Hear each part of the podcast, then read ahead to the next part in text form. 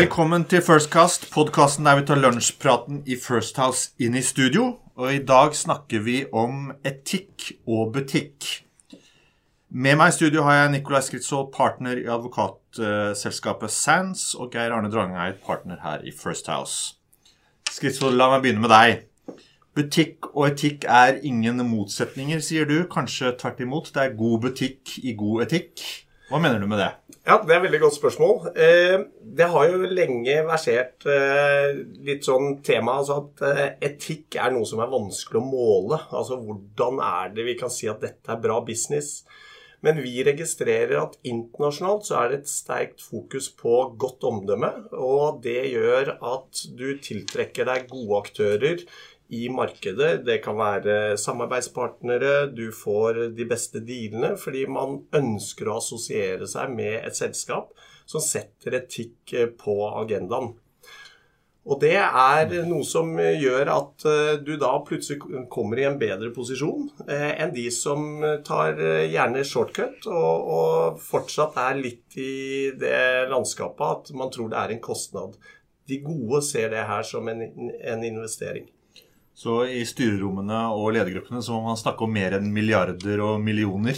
Ja, fordi eh, det man ser, er at eh, det er noe med at du skal bygge et eh, varemerke og en profil fremover. Og det er mye større enn den enkelte transaksjonen.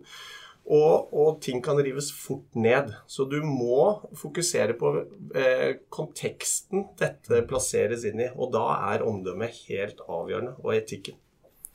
Jeg tror du ser det samme bildet på etikk som du i og for seg ser og har sett på en del andre samfunnsområder også. Mm. Der næringsliv og virksomhet møter samfunnet og samfunnets krav.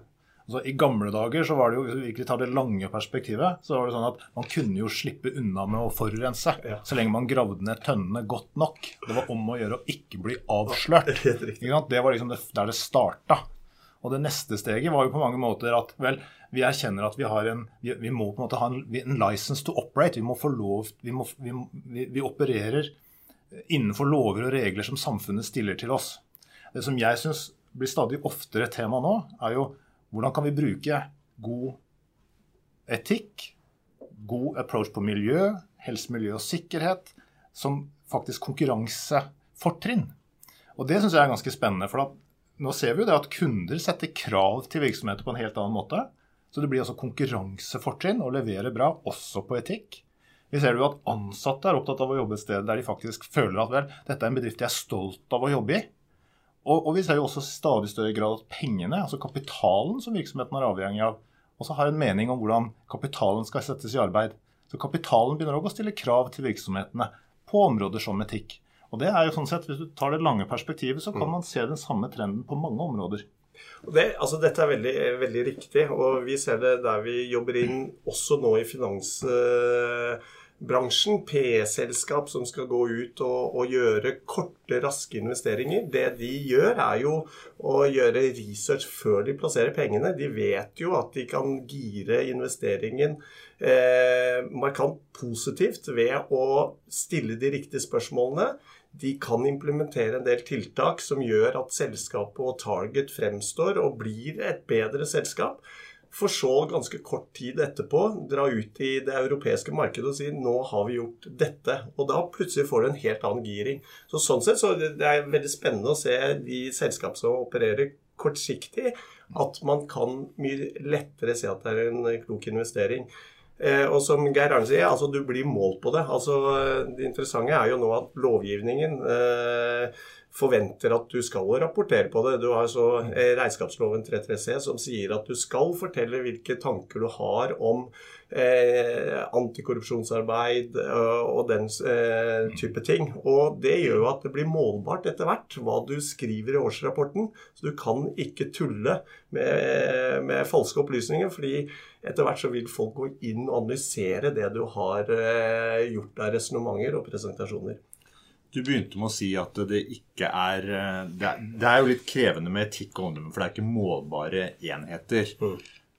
Geir Arne, hvordan kan man gjøre dette til eh, Er det mulig å gjøre dette til målbare enheter for et selskap? Ja, Det er nok noe som mange, mange lurer på hvordan de skal få til.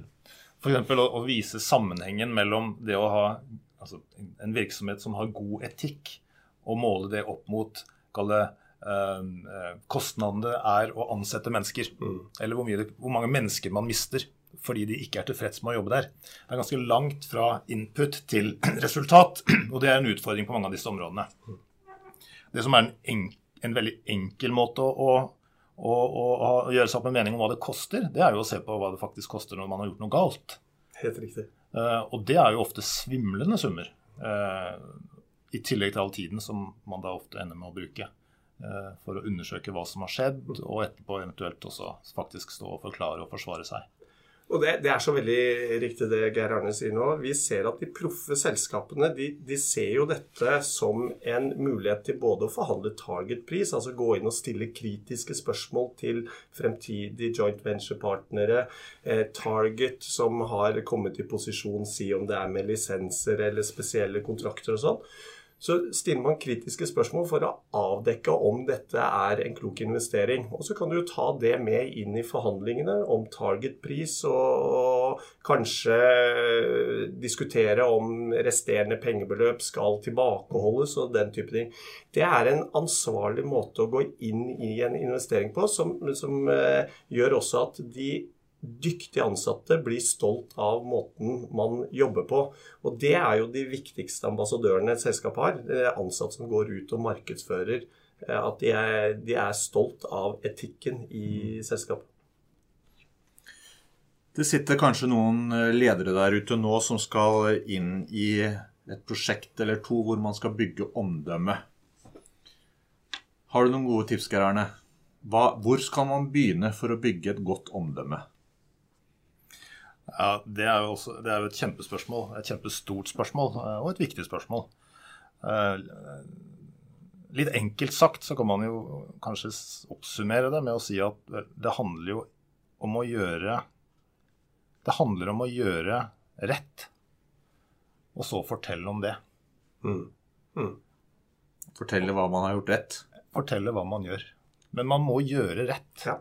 Det er helt riktig. Uh, og, og, og, og, det i seg selv er av og til, i en verden som ikke alltid er så enkel, mm. så er det å finne ut hva som er rett, en komplisert sak i seg mm. selv. Mm.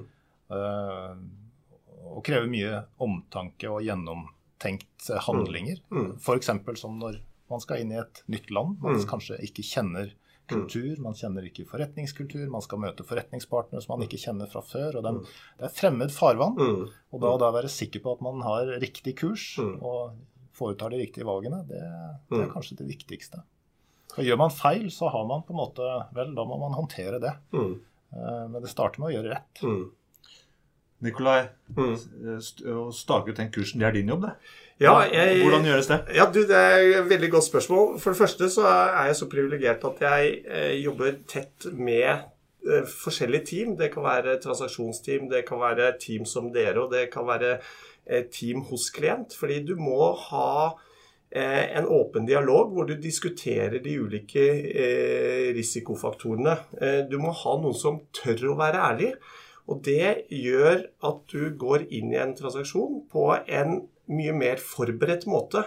Det å påpeke risiko er ikke noe som trenger nødvendigvis å stoppe en transaksjon. Tvert imot så eh, vil de fleste transaksjoner kunne gjennomføres hvis du implementerer de riktige tiltakene og setter av eh, tilstrekkelig med tid og ressurser.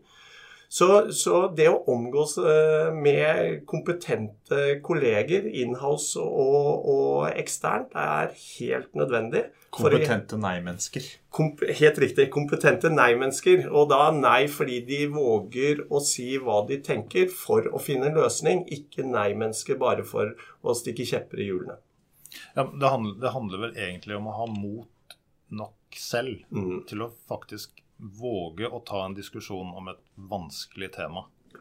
For det er sånn, Ofte så er det sånn at vel, dette er et litt vanskelig det, det, må liksom, Dette må jeg tenke nøye på. Mm. Og så tenker jeg kanskje selv, eller jeg mm. tenker sammen med noen veldig få som jeg, veldig, som jeg har tett på meg, som mm. jeg kanskje, kanskje jeg vet, eller bare det blir sånn at de tenker likt. Mm. Men det å ha det motet til å faktisk ta det vanskelige spørsmålet i et eh, med mennesker som du vet er kritiske. Mm. Eh, konstruktivt kritiske, som du var inne på. Det tror jeg, en, det tror jeg kan være et godt råd. Det er alltid så lett å si hvorfor vi ikke skal gjøre noe. Ja. Og det, det, det, vi, vi, møter jo mange rådgivere, alle sammen tror jeg, har møtt sånne mennesker som sier at nei, det kan vi ikke gjøre. Ja. Og så kommer det mange gode grunner til at det kan vi ikke gjøre. Mm. Men det som jo er det, det virkelig interessante, er hvordan kan vi gjøre dette på riktig vis? Helt riktig. Uh, og det krever ofte erfaring, erfarne rådgivere. Mm. Da skal jeg forsøke å oppsummere. Ha mot, gjør rett, våg å fortelle om det, og ha nok kompetente nei-mennesker rundt deg. Takk til dere i studio. Takk til alle dere som lytter til oss. Husk at du kan abonnere på podkasten vår på iTunes eller i Android. Mitt navn er Håkon Borud, og har du ønsker om tema vi bør diskutere eller gjester vi bør invitere, så send oss gjerne en melding på Firstcast Facebook-side.